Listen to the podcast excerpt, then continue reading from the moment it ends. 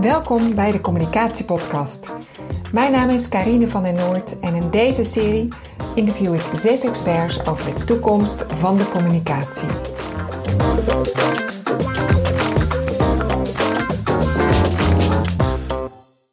Vandaag interview ik Charlotte Labé. Charlotte heeft zich uh, gespecialiseerd in de werking van het brein. Uh, op jouw website, uh, Charlotte, las ik een hele mooie quote. Vergroot je breinkennis, verander je mindset. Werd getriggerd door die volgorde. Eerst vergroot je breinkennis en dan verander je mindset. Mind is natuurlijk heel erg hot and happening nu. Iedereen wil zijn mindset veranderen en positievere mindset krijgen. En jij koppelt dat aan het brein. En eigenlijk zeg je, um, als je dat wil, moet je eerst je brein uh, veranderen en leren kennen. Daarmee aan de slag. Nou, dat, uh, dat vind ik super uh, interessant. zeker ook vanwege het onderwerp van deze podcast, communicatie. Ben heel benieuwd of dat dan ook werkt voor communicatie. Verander, vergroot je breinkennis, verander je communicatie. Dat gaan we straks horen. Um, als eerste zou jij je willen voorstellen aan de luisteraars die jou nog niet kennen. Uh, wie ben je? Wat is je achtergrond? En hoe ben je dit zo geworden? Ja, dankjewel. Mooie introductie. Nou, ik ben inderdaad uh, Charlotte Labé. Ik ben spreker op het vlak van Brain Balance. Brain Balance is ontstaan eigenlijk in een periode waarin het met mijzelf ontzettend slecht ging. Ik ben al vanaf mijn vijftiende heel erg gepassioneerd en ik heb een enorme drive om ja, te ondernemen en om mezelf te bewijzen. Ja. En ik denk vooral in dat laatste stukje is het op een gegeven moment bij mij onwijs misgegaan. Want ik bleef maar doorgaan en ik eigenlijk ja, presteerde ik op mijn ja, adrenaline, op mijn cortisol, op mijn enthousiasme. Nooit ergens nee tegen zeggen, altijd maar alles willen doen. En dat resulteerde er uiteindelijk in door een te hoog stressniveau dat ik verlammingsverschijnselen kreeg. Wow. Ja, en van de een op de andere dag, en dat is natuurlijk niet helemaal zo, want je krijgt al jarenlang signalen van je onderbewuste systeem. Maar voor mij was het toch ja, op dat moment van de een op de andere dag verlammingsverschijnselen in mijn arm en hand. En ik kon mijn vingers niet meer bewegen. Oei. Dus ik had een, een heel hard signaal nodig vanuit mijn hersenen aangestuurd. Dat weet ik nu. Ja. Wist ik toen helemaal niet. Wat zul je geschrokken zijn? Ja, je schrikt, want je denkt, ja, wat, wat, wat voor iets ernstigs is er met me aan de hand? En je komt dan bij een neuroloog en nou ja, dat was meteen spoedeisende hulp. Dus dezelfde middag had ik een MRI-scan.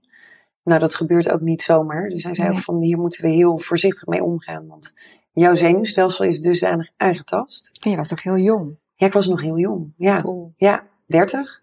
Ja, begin 30. En ja, toen vertelde de neuroloog me ook. Ik was heel blij dat ik een, een uh, jonge neuroloog had. Die zich best wel wat verder had ontwikkeld. Ook in ja, wat doet stress nou eigenlijk met je? Ja. Die vertelde me: jouw zenuwstelsel is dusdanig aangetast je nervus vagus, dus dat is eigenlijk de hoofdzenuwbaan die alles aanstuurt, dat je op dit moment beginnend verlammingsverschijnselen hebt. En als je zo doorgaat, beland je definitief in een rolstoel. Poeh. En dat zal niet langer dan twee maanden duren dat dat, uh, dat dat moment daar gaat zijn.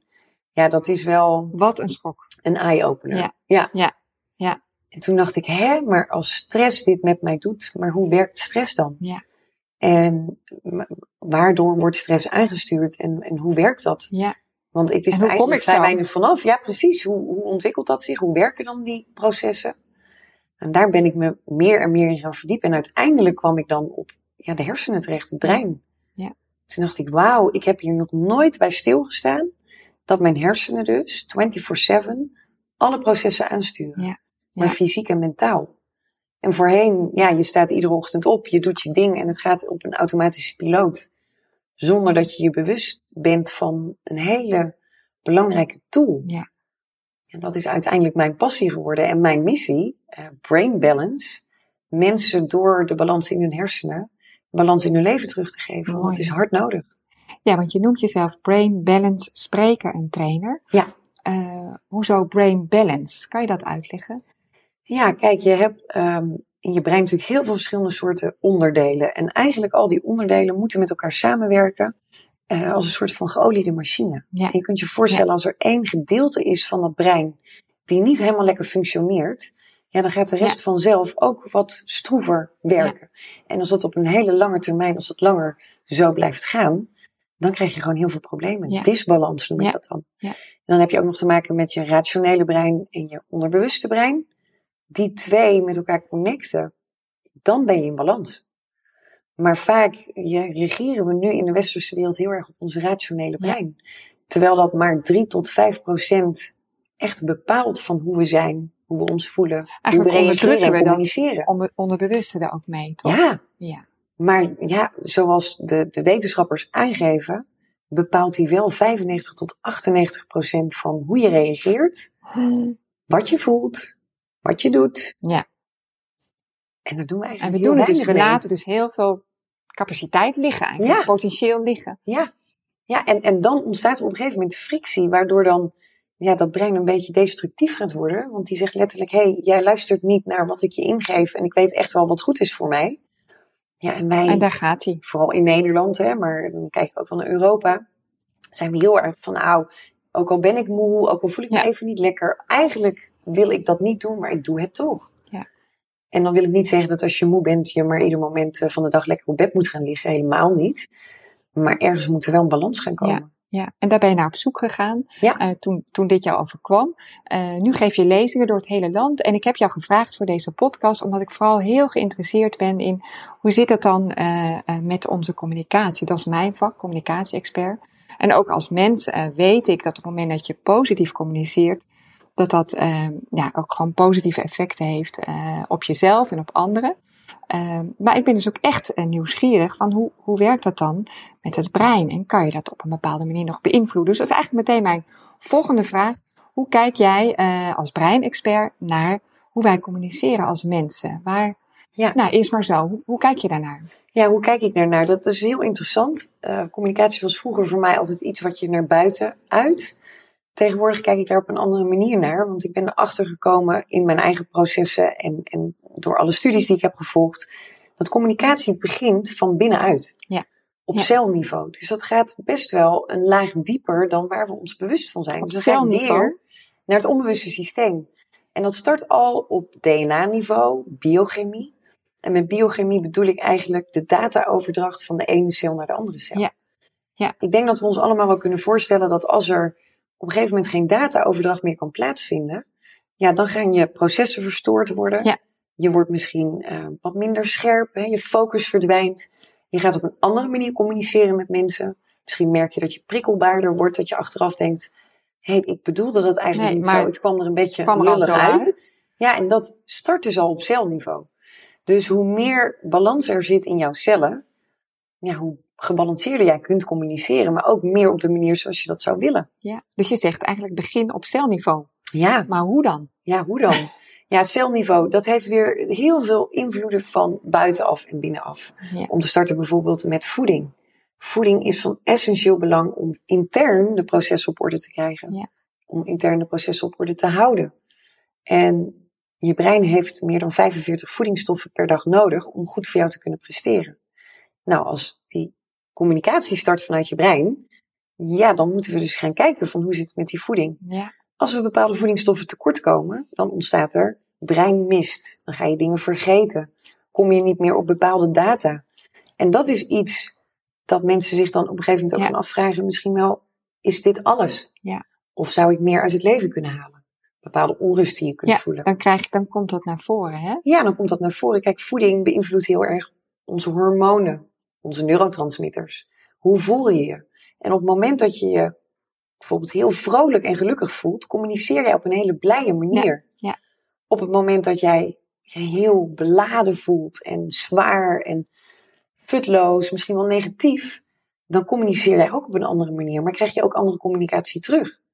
Ja. Dan ga je je op een bepaalde manier voelen, positief of negatief. Je krijgt bepaalde gedachten. En die gedachten geven ook weer een gevoel. En voor En dan je ga je in het zit je in een of een neerwaartse Ja. spiraal Ja. of een opwaartse spiraal. En die opwaartse spiraal, nou, dat kun je ook wel je flow noemen. Ja, Ik denk dat we allemaal wel weten van, oh, vandaag had ik zo'n lekkere flow. Ik heb in plaats van 100% misschien wel 200% dingen kunnen doen. Ja. Dat zouden we iedere dag wel willen. Toch? ja, super. Ja. Maar wat moet je dan eten om in die flow te komen? Of, of werkt het niet zo simpel? Ja, nou ja, goed. Kijk, eten is belangrijk. Sporten is heel belangrijk. Iedere dag eventjes 20 minuten snel wandelen. Dat zet al die processen in je cellen aan. Je hoeft niet iedere dag een uur naar de sportschool. Snel wandelen, dat doet al heel veel. Ja. Zes dagen in de week, het liefst zeven dagen in de week. In de buitenlucht. Dus zuurstof, heel belangrijk Ja. voor je cellen. Maar bijvoorbeeld ook ontspanning. ik denk dat daar ook een heel groot stuk ligt van we gaan maar door en Ja. door en door. Ja. En we hebben maar te maken met deadlines en we willen maar presteren. Terwijl als je gaat kijken, als we vaker per dag ontspannen, Ja. kunnen wij veel beter presteren.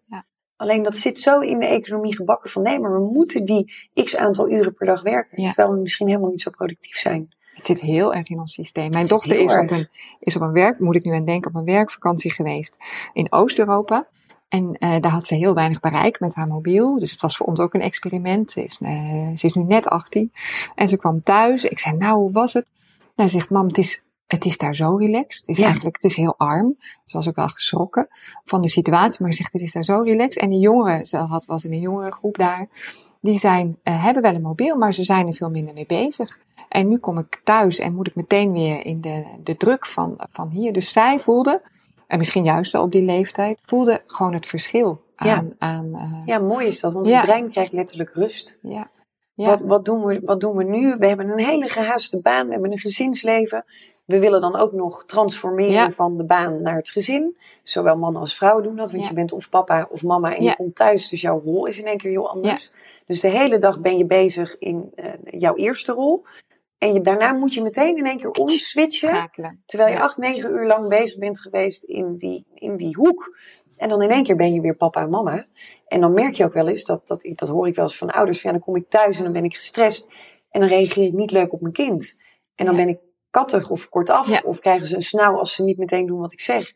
En dan achteraf als de kinderen Ja. in bed liggen, dan komt het besef van... hé, hey, is dit nou Oh. fair? Is mijn communicatie Ja. naar mijn kinderen nou wel goed Nou geweest? ja, of je bent met je gedachten nog helemaal daar, hè? Ja. Een ander. Dus het loskoppelen, nou dat kan al door middel van heel even 10 minuten te wandelen voordat jij naar binnen gaat. Dan zet je je brein al in een andere modus. Even bijvoorbeeld een dankbaarheidsoefening. Dat klinkt voor heel veel mensen heel spiritueel en zweverig, maar dit is neurowetenschap. Als jij namelijk bewust aan de slag gaat met wat zijn de mooie positieve dingen, dan prime je je brein in die positieve stand. En komt ja, de data die weer binnenkomt, dus de impulsen die we krijgen, komt op een hele andere manier binnen. Veel zachter, veel positiever. Ja.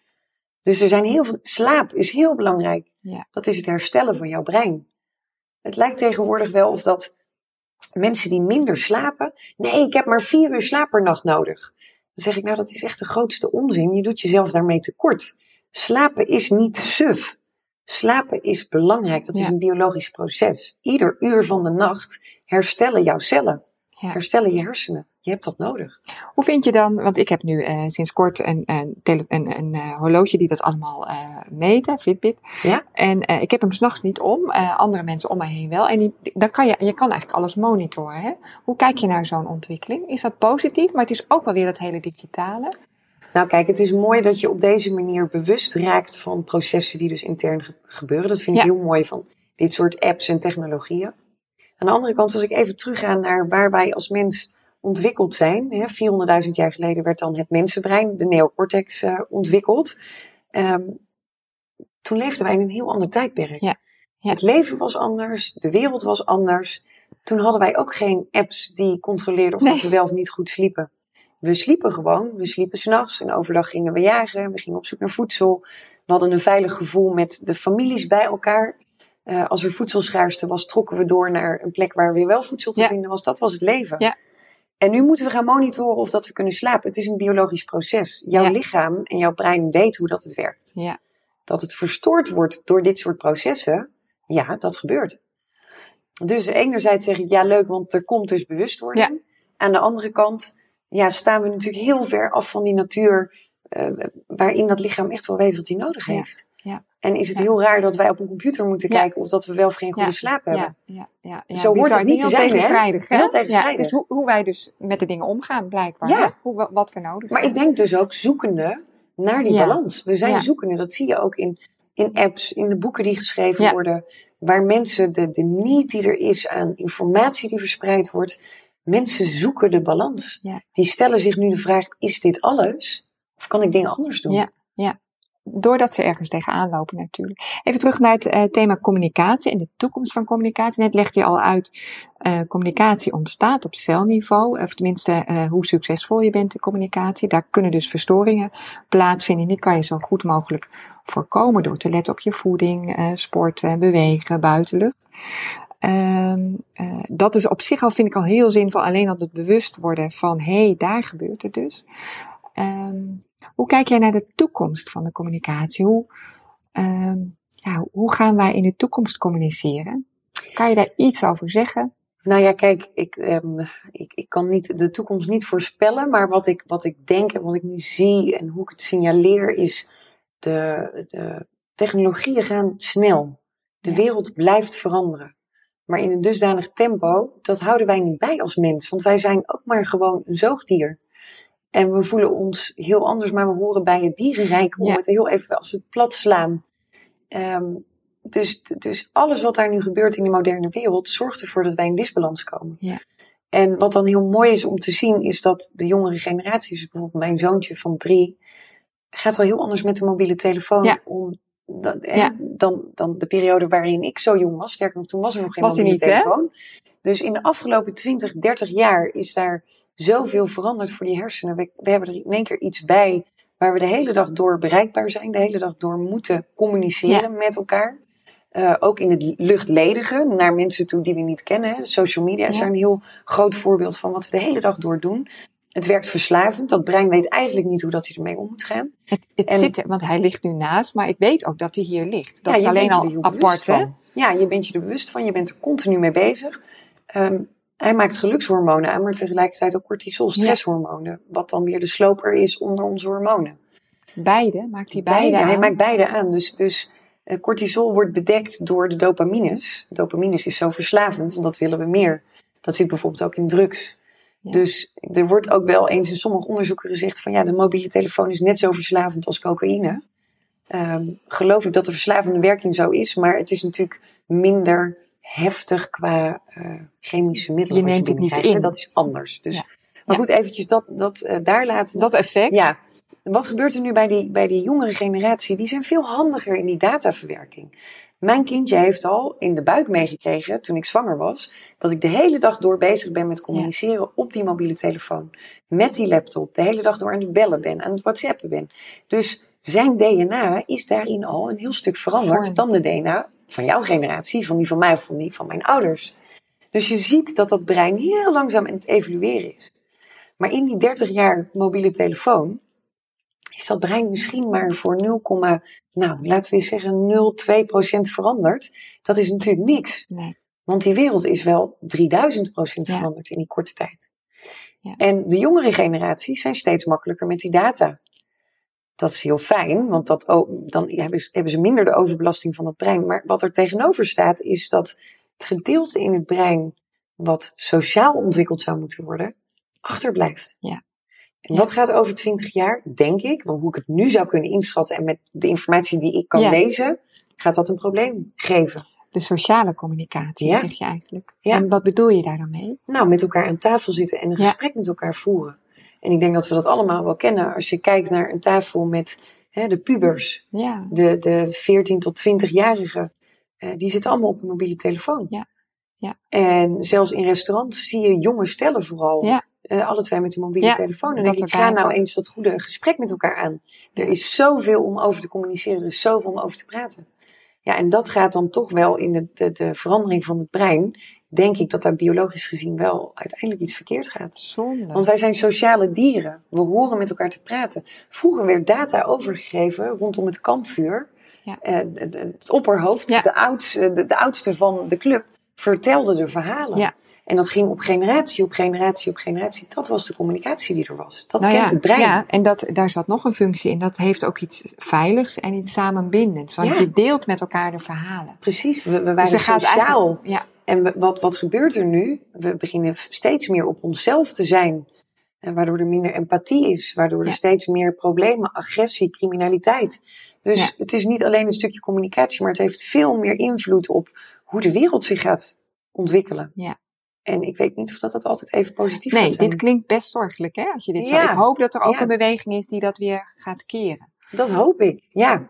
Maar dat zie je aan de andere kant natuurlijk ook wel. Dat de mensen meer nog op zoek zijn naar rust en naar, uh, ja, ja. Maar die techniek, die, uh, uh, die blijft doorgaan natuurlijk. Die blijft. Ja. En het is, het is een, een cash cow, zeg ik altijd maar. het gaat om geld. Ja. En daar wordt heel veel geld aan verdiend. En dat, dat is ontzettend fijn. Ik weet dat um, Steve Jobs heeft gezegd in het begin van, van hè, de, de, opstart van Apple, dat hij zei: Mijn kinderen krijgen geen iPhone. Dat alleen al, dat dus degene die dus de, de, de, de iPhone Ja, de heeft ontwikkeld, dus, zegt, hè? nou mijn kinderen krijgen dit niet, want dit is super slecht. Maar Ja. de hele wereld wel. Ja, dank Dus dat je, zijn dan Steve. al mooie statements dat ik denk, oh, kijk daar is naar. Ja. Van waarom dan degene die het ontwikkeld heeft, geeft dat niet aan zijn kinderen. Nee. Ja, vind ik toch wel een bijzondere uitspraak. Ik weet natuurlijk overigens niet of dat, dat nu nog steeds zo is. Hè? Want ik denk niet dat zijn kinderen inmiddels volwassen eh, geen mobiele telefoon hebben. Nee, maar, maar- het zijn wel statements die Ja. je wel even wakker doen schudden. Ja, ja, ja. Ehm, als we het hebben over wakker schudden, hoe zou jij de luisteraars willen wakker schudden over dit thema, communicatie, hoe we met elkaar omgaan? Wat zijn tips die je ze wilt aanreiken? Ja, ben je bewust van ehm, hoe de nieuwe technologie je leven op een gegeven moment beïnvloedt? En dat zie je op de nieuwe telefoons en met schermtijd bijvoorbeeld. Dat is wel een stukje bewustwording. Ja. Als daar staat vier uur schermtijd, dat had ook een uur kunnen zijn. En wat had je dan in die drie uur productief kunnen doen? Of met misschien je gezin, of je Ja. familieleden, of met vrienden, of met een collega. Ehm, waardoor je veel meer een band kunt krijgen en uiteindelijk ja, veel meer met elkaar kunt bereiken. Dus dat, eh, dat goed in de gaten houden, hoeveel je online bent en dat proberen. Ja, monitoren. En, en ook eens een keer zeggen, ik doe een week helemaal niks.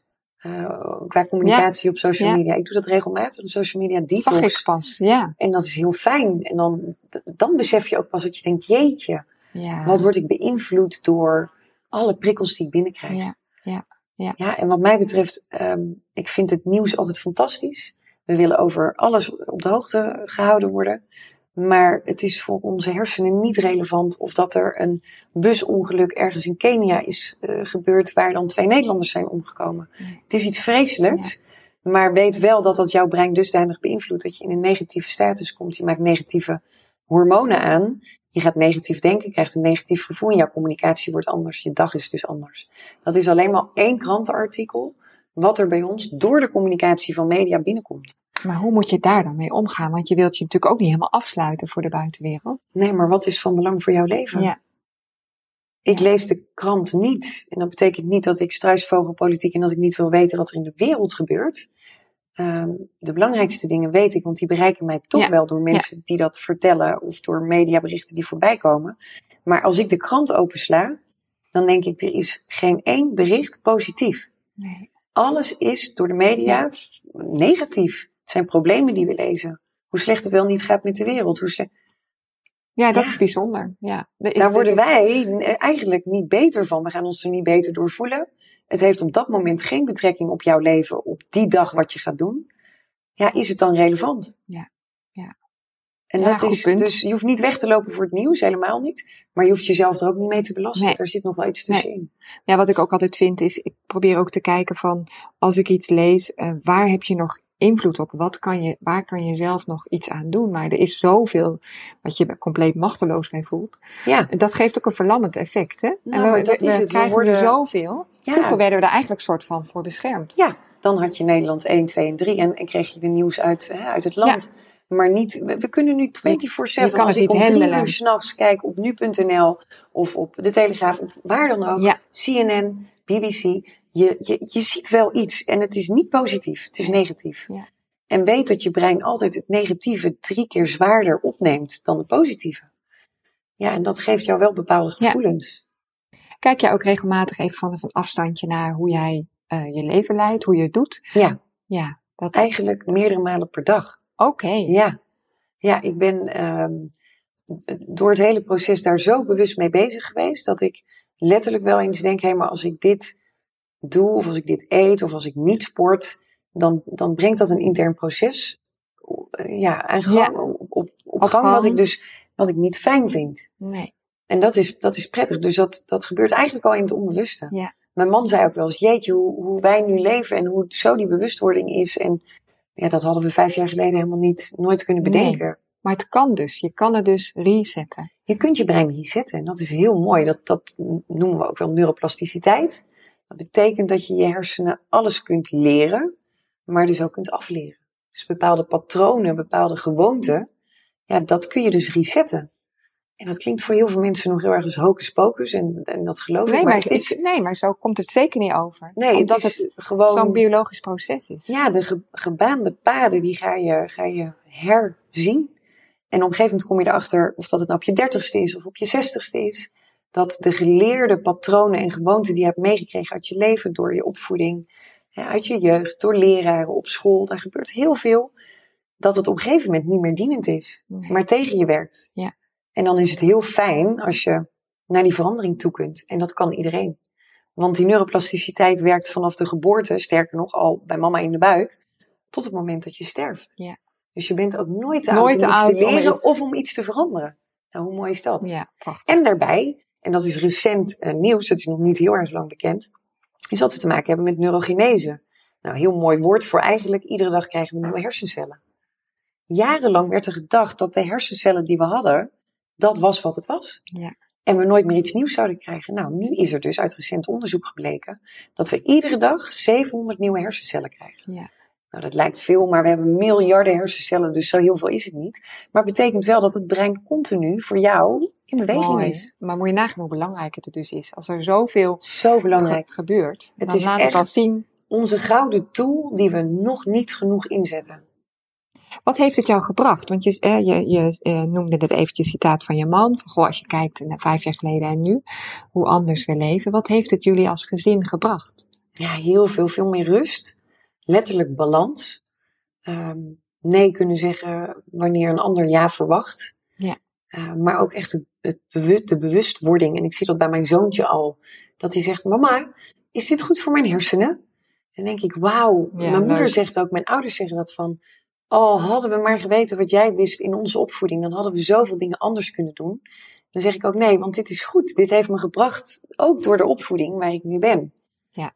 En ja, het is, het is een, een cadeau als je eh, heel weerbaar en flexibel om kunt gaan met stressvolle situaties. Want Ja.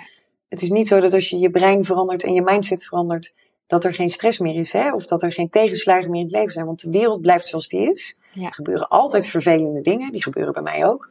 Alleen hoe ga je ermee om? Ja. En die flexibiliteit. Mijn man zegt ook wel eens, nou vroeger konden wij zo eh, ruzie krijgen of een discussie. Ja. Zomaar, hè? Dan ging je zo aan, want dan Ja. was je zo, ik was, ik kon best wel, ja, heel erg geprikkeld zijn, prikkelbaar naar mijn omgeving en echt niet altijd dan de leukste zijn. Dat heb ik helemaal niet. Hij zei laatst ook, kan geen ruzie meer met je maken. Ja, geweldig. Ja, dus ik reageer heel rustig allemaal. in situaties en dan denk ik ook wel eens grappig. Voorheen, en dan zie ik het plaatje voor me, had ik zo en zo gereageerd, Ja. maar nu doe ik het zo. En, En dat is voelt zo eigenlijk en geleidelijk aan zo. Geleidelijk aan, ja. Dat is, ik denk dat dat, dat heeft bij mij 2,5 jaar geduurd voordat ik daar ben waar ik nu ben. En dat ik echt bewust mooi. vanuit die hersenen leef. En dat is eh, een cadeau. En dat is mijn missie Nou, om dat naar iedereen toe prachtig. te brengen. Ja, Ja, heel gaaf. Nog heel even terug naar het onderwerp van de, van de podcast, communicatie. Ik ben één ding ben ik nog benieuwd naar. Dat is, de zin speelde je al wel even op. eh, dat ehm, op het moment dat je communiceert, dat het eigenlijk start met de interne communicatie. Dus eigenlijk hoe, wat jij tegen jezelf eh, zegt. Voordat je bijvoorbeeld nou, zo'n interview als dit ingaat of een gesprek voert. En ik denk dat dat ook interessant is voor luisteraars om te horen. Of je daar ook tips voor hebt. Hè? Als je bijvoorbeeld een, een moeilijke presentatie ingaat. Of een, een verkoopgesprek. Of iets wat je spannend vindt. Ehm, ja, dan kan je jezelf inderdaad klein maken. Maar je kan dus ook andere dingen tegen jezelf eh, zeggen. Ja. Hoe werkt dat? Ja, nou, het is eigenlijk zo, je hersenen geloven alles wat jij zegt. Dus het hoeft niet eens fysiek te gebeuren, maar jouw brein ervaart het wel alsof het fysiek gebeurt. Dus zeg jij tegen jezelf, ik ben niet goed genoeg en ik ga vast fouten maken en ik kan niet voor die groep staan en ik kan die presentatie niet doen en die klant vindt mij vast een nietsnut. Dan denkt jouw brein, oh, dit zal het wel zijn. Dit Ja. gebeurt op dit moment for real. Dus dat brein maakt geen onderscheid tussen ja, het, het echte en niet. Als je dat dan omdraait en je gaat zeggen van nou, ik ga daar een super goede presentatie geven. Iedereen is straks lovend, mensen zijn enthousiast en die klant die haal ik binnen. Dan zet je je proces daarin Ja. al in. Je primet je brein eigenlijk om die hoek in te gaan. En dat klinkt heel makkelijk, maar dat is nog niet zo heel erg makkelijk. moeilijk. Want onze hersenen zijn er niet op gemaakt om alles maar heel positief te zien in het leven. Nee, dat brein is ontwikkeld om gevaren te zien. Om ons te beschermen, om te overleven. Dus wij zullen veel sneller gestuurd worden naar het negatieve dan naar Ja. het positieve. Ik kon echt doemdenken. Ik kon nachtenlang wakker liggen. En wat nou als mensen mij niet goed genoeg vinden? En eh, zie je, ik heb het niet goed genoeg gedaan. Of oh, ik had dat anders moeten communiceren. Oh, dat mensen mij herhalen te voor jezelf. Hè? Ik zat heel vaak in een loop van gedachten. Eh, maar daardoor ging ik steeds, ik werd steeds onzekerder daardoor en steeds verdrietiger en nou zwaarder op de hand. Ik wil niet zeggen depressief, maar wel die gevoelens. Ja. Inmiddels nu eh, heb ik wel eens dagen dat ik denk, kan ik nog iets negatiefs voelen? Negativiteit is er altijd. Ja. Alleen, het is niet meer zo groot. En dat weet ik nu wel door mijn eigen ervaring. En dat is niet iets wat ik, ik heb het ook geleerd uit de boeken, maar ik heb het zelf toegepast. Ja. En dat is Ja. zo mooi dat ik het echt, ik heb het zelf ervaring gedaan. Dus ik Ja. kan ook echt oprecht zeggen, dit kan. Het werkt. Het werkt. Vriendinnen in mijn omgeving zeggen ook, wauw Lot, jij bent zo positief en relaxed geworden. Wat een verschil. Je was al een leuk mens, maar ik vind je nu tien keer leuker. Ja, dat zijn dan toch ook signalen dat dan de omgeving dat ook zo Ja. ziet. Heel mooi. Ja. Jij gaat er een, eh, je hebt er een boek over geschreven. Dat komt binnenkort uit. Ehm, wanneer komt het in de winkel? 10 september is die eh, landelijk te verkrijgen. 11 september eigenlijk. 10 september wordt die eh, gelanceerd. Het boek heet ook Brain Balance. Dus ja, dat is meteen duidelijk van nou, je Ja. hersenen in balans. Daarin geef ik ook mijn Golden Growth model in zes stappen binnen 60 dagen echt naar die verandering. Ja. Dus hoe zet je die neuroplasticiteit aan? Hoe zorg je ervoor dat eh, de energie die je hebt ook echt naar jouzelf gaat en eh, ja, daarmee jezelf en je eigen processen vooruit helpt? Want ik hoor te vaak mensen die zeggen: Ja, maar ik zou wel heel graag dit willen en dat willen. En ik heb nog dromen, maar we verwezenlijken ze niet. En dat vind ik zo zonde, want we hebben veel meer capaciteit dan wat we denken. En dat heb ik ook altijd gedacht: van nou, dit is het. Maar ik had wel altijd de vraag: is er niet meer? Ja. Maar er is veel meer. Ja. En dat zit in ons hoofd. Ja. Prachtig. Dankjewel voor al je informatie. Nou, ik kan iedereen aanraden om het boek te bestellen, want eh, ik heb hem zelf ook al gepre-orderd. Het kan al op je site, volgens Ja. mij. Klopt. Eh, want er is nog veel meer. Ik zou nog veel meer willen vragen, maar deze, deze podcast eh, te kort voor. Volg sowieso Charlotte op Instagram en blijf ook deze podcast volgen. Er komt een nieuwe aflevering over een maand. Dan interviewen we een filosoof, practicus. Die gaat ditzelfde thema, de toekomst van communicatie, ook behandelen. Gaan we met hem over nadenken hoe kijk je er nou als filosoof naar? Dus dat is zeker ook zinvol. Maar deze podcast en alle informatie die jij hebt gegeven, Charlotte, daar wil ik je heel erg voor bedanken. Nou, we praten zo nog even verder, maar voor nu heel erg bedankt. Graag gedaan, dankjewel. Thank you.